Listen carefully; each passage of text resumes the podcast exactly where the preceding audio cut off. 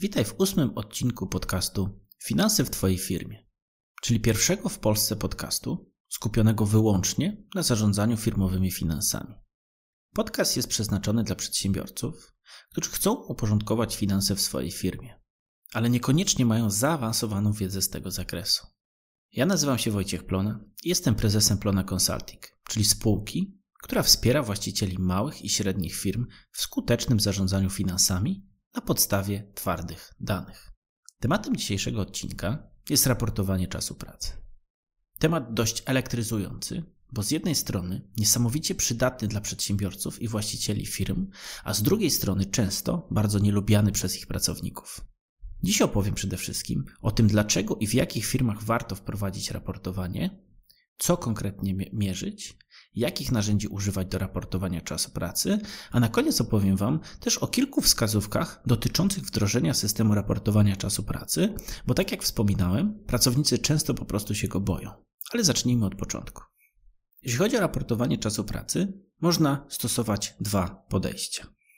Jedno podejście stosowane prosto z apteki, czyli rozliczamy naszych pracowników co do minuty, i to jest Trzeba się liczyć z tym, że jeżeli wykorzystujemy ten rodzaj rozliczania, no to wtedy mamy dużo większy nakład pracy na działania administracyjne, ponieważ często, jeżeli mamy dużo zadań, to nasi pracownicy muszą się przełączać, więcej czasu spędzają na planowanie swojej pracy, rozpisywanie na zadania, więc to może być obarczone nieco większym kosztem administracyjnym, czyli zarządzania tymi zadaniami i raportowaniem. Drugi jest określony w granicach 30-60 minut e, na zadanie, że raportujemy z dokładnością do 30-60 minut. Łatwiej na poziomie ogólnym to robić, ale możemy mieć zbyt ogólne dane do analizy. Natomiast jeżeli dzisiaj w ogóle tego nie robisz, te dane i tak cię zaskoczą i warto zacząć od ogólnych informacji. Na początku chciałem się z Tobą podzielić, jakie widzę korzyści z raportowania czasu pracy. Przede wszystkim jest to świadomość, na czym spędzamy nasz czas. Dzięki temu możemy zrobić sobie stop klatkę i zastanowić się, jak pracujemy. Spotkałem się z sytuacją, w której pracownik zapytał kierownika, czy ma coś do zrobienia, bo nie ma zadania i nie ma na co raportować. Czyli w ogóle sam fakt, że mamy raportowanie czasu pracy, powoduje, że pracownicy mają poczucie, że powinni coś robić w pracy, a nie mają pustych przebiegów. Oczywiście ma to swoje pewne skrajne zachowania, ponieważ oni mogą raportować na byle co, albo raportować na zadania, które już skończyli. Natomiast jeżeli powstają te, tego typu sytuacje, to widzimy, że te zadania mają więcej godzin niż planowaliśmy. Kolejną korzyścią, z którą się spotkałem, to jest wiedza, jakie czynności wykonujemy i ile czasu nam zajmują. Jest to szczególnie ważne w przypadku szefów, ponieważ jeżeli wiemy, na co i ile czasu spędzamy, to możemy zweryfikować, które zadania są najbardziej powtarzalne, które możemy delegować, a jeżeli one osiągają odpowiednią skalę, to możemy zatrudnić człowieka, który za nas będzie to wykonywał. Kolejną korzyścią to przede wszystkim możemy określać rentowność naszych projektów. Jeżeli pracujemy w branży usługowej, czy w branży produkcyjnej, no to wiemy, że często nasza rentowność naszych projektów, naszych zleceń jest bezpośrednio powiązana z tym, ile nasi ludzie spędzają na nich czasu. Dalej możemy weryfikować, ile zadań jest w stanie zrealizować dana osoba. Czy jest przepracowana, czy nie jest przepracowana, ile zajmują średnio te zadania, czy uczy się, czy na przykład pewne zadania robi szybciej, czy pewnie robi wolniej. Kolejną kwestią jest fakt, że o którym mówiłem w poprzednich odcinkach, jeżeli chodzi przy wycenie projektów, że możemy je lepiej wyceniać. Jeżeli mamy historię i wiemy, ile zajęło nam czasu ostatnie 10, 20, 50 projektów, to już jesteśmy w stanie zidentyfikować projekty podobne i zobaczyć, czy to, co sobie założyliśmy na początku, faktycznie później zostało zrealizowane. Mając świadomość, ile czasu na jakie zadania poświęcamy, możemy dowiedzieć się, które zadania powinniśmy automatyzować czyli na które najwięcej czasu nam zajmuje, które są powtarzalne, i wtedy możemy wycenić, czy dany, dana współpraca z taką firmą, która nam to zautomatyzuje, będzie opłacalna. Dla przykładu można powiedzieć, że czasami przesyłanie danych czy pobieranie danych w e, procesach kontrolingowych może zajmować na przykład powiedzmy godzinę czasu e, jednego analityka. Ale jeżeli mamy kilkudziesięciu takich analityków, którzy raz dziennie przez godzinę pobierają danych, to pobierają dane, to warto się zastanowić, czy przypadkiem tego już nie można zautomatyzować, ponieważ ma to określoną skalę. Ja często wykorzystuję raportowanie do czasu pracy do tego, aby weryfikować, czy pewne rzeczy się dzieją w firmie. Czyli na przykład, czy dane projekty są realizowane, czy dane zadania są realizowane. Nie muszę dzwonić, nie muszę pytać swoich ludzi, czy oni to robią. Wystarczy, że widzę to na e, raporcie czasu pracy i czy ile czasu spędzili, ile jeszcze czasu planują na to spędzić, e, albo może już to jest e, zrobione i się innymi rzeczami zajęli.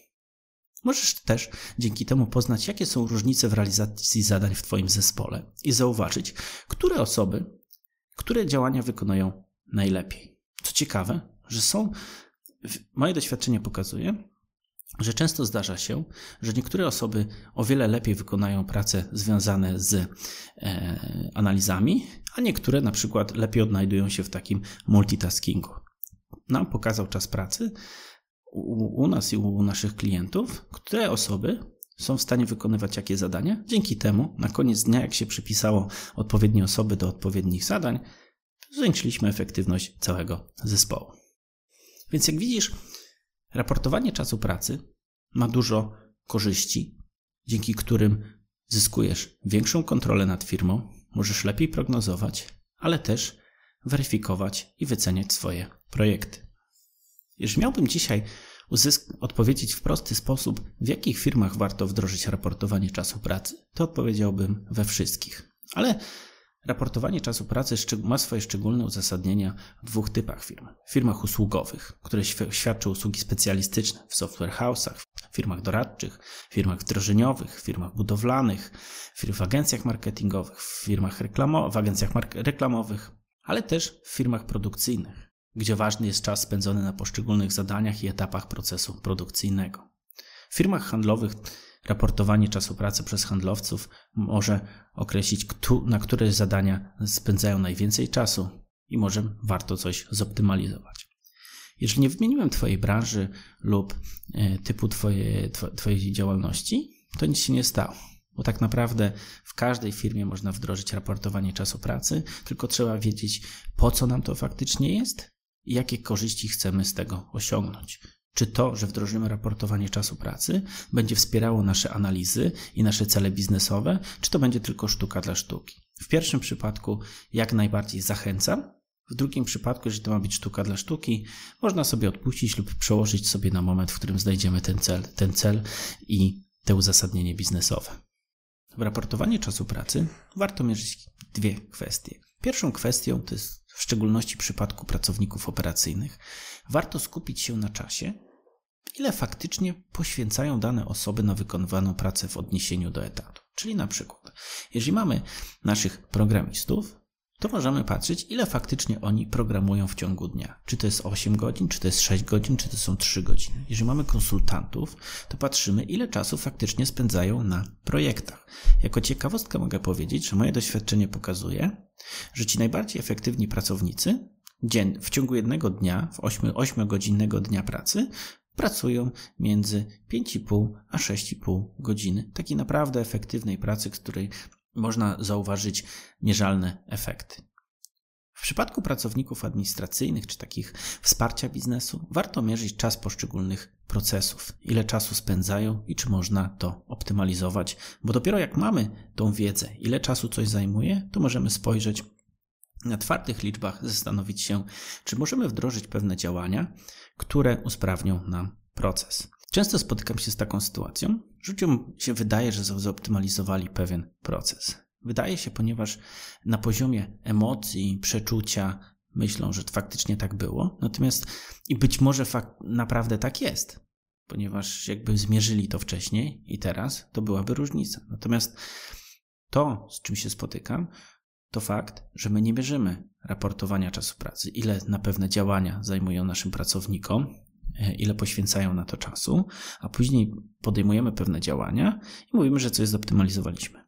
Myślę, że świetnym przykładem tego może być przykład firmy handlowej, w której Okazało się, po przeanalizowaniu ich czasu pracy, że jedną trzecią czasu handlowców zajmowało przygotowanie umów.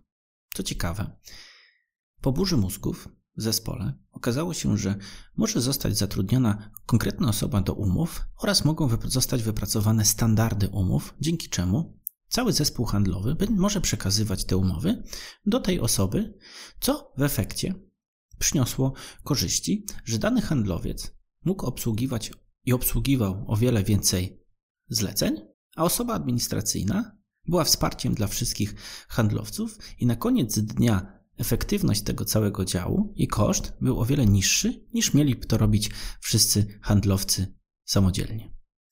Często słyszę pytania, z jakich narzędzi należy korzystać, aby raportować czas pracy.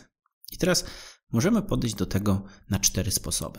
Pierwszym sposobem jest prosty Excel lub Google Sheets. Czyli możemy zapisywać w kolumnach i w wierszach, ile na jakim projekcie, ile na jakim zadaniu spędziliśmy czasu. Drugim sposobem można stworzyć elektroniczne formularze, gdzie będziemy wypełniać tak zwane ankiety czy raporty naszego czasu pracy. Możemy to zrobić przez Microsoft Forms lub Google Forms.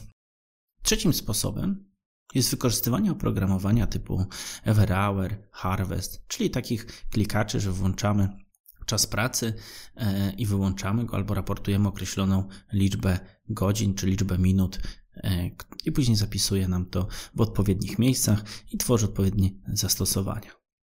Czyste oprogramowanie do zarządzania zadaniami ma też właściwości, które pozwalają raportować czas pracy. Czasami jest tak, że trzeba oprogramowanie do zarządzania zadaniami zintegrować z takim oprogramowaniem do, do raportowania czasu pracy. Czasami jest tak, że te systemy do zarządzania zadaniami, do project managementu już mają to wbudowane. I teraz na koniec chciałbym poruszyć jedną z kluczowych kwestii, jeżeli chodzi o osiągnięcie rezultatu z wdrożenia raportowania czasu pracy, czyli jak wdrożyć system raportowania czasu pracy, aby nie wywołać buntu na pokładzie. Warto zadbać o komunikację wewnątrz, wewnątrz zespołu. Często raportowanie czasu pracy będzie się wiązało z rozliczaniem. I faktycznie niektórym osobom to służy tylko i wyłącznie do rozliczania pracowników. Ja jednak rekomenduję podejście rozwojowe, które pozwala zweryfikować, na co poświęcamy najwięcej czasu i czy możemy naszą pracę wykonywać efektywniej. Czyli tak naprawdę idziemy z przekazem, że dzisiaj mamy pewien stan obecny, w którym pracujemy, i dzisiaj Robiąc tą fotografię, mając tą świadomość, na co ile poświęcamy czasu, możemy podejmować decyzje, na co, co jest dla nas priorytetowe, co jest mniej priorytetowe i w którym kierunku kierować nasze działania, nasze zadania i nasz czas. Komunikacja wewnątrz zespołu musi być oparta przede wszystkim o cele i określenie, dlaczego w ogóle to robimy. Najczęstszą odpowiedzią jest fakt, że chcemy wiedzieć, na czym najwięcej spędzają nasi pracownicy i jaki ma to wpływ na, na wystawiane faktury. W podnoszeniu rentowności przedsiębiorstw wskaźnik przychodów na jedną godzinę pracownika ma duże znaczenie. Zwłaszcza kiedy biznes oparty jest o ludzi, ich wiedzę i doświadczenia. Podsumowując, raportowanie czasu pracy ma całą masę korzyści. Od zwiększania efektywności zespołu, poprzez lepsze wycenianie projektów, podnoszenie marży, a kończąc po prostu na większej świadomości tego, jak faktycznie wygląda codzienna praca Twoja i Twoich ludzi. I chociażby z tego powodu warto zweryfikować, czy też nie powinieneś wdrożyć podobnego rozwiązania w Twojej firmie. Dziękuję za wysłuchanie tego odcinka do samego końca. Jeżeli chcesz porządkować finanse w Twojej firmie, to tradycyjnie przypominam o tym, aby zasubskrybować nasz podcast Finanse w Twojej firmie w Twojej ulubionej platformie z podcastami. A gdybyście po wysłuchaniu odcinka mieli jakieś pytania albo wątpliwości, możecie się z nami skontaktować, odwiedzając stronę www.plonaconsulting.pl. A tymczasem żegnam się, więc do usłyszenia w kolejnych odcinkach. Cześć!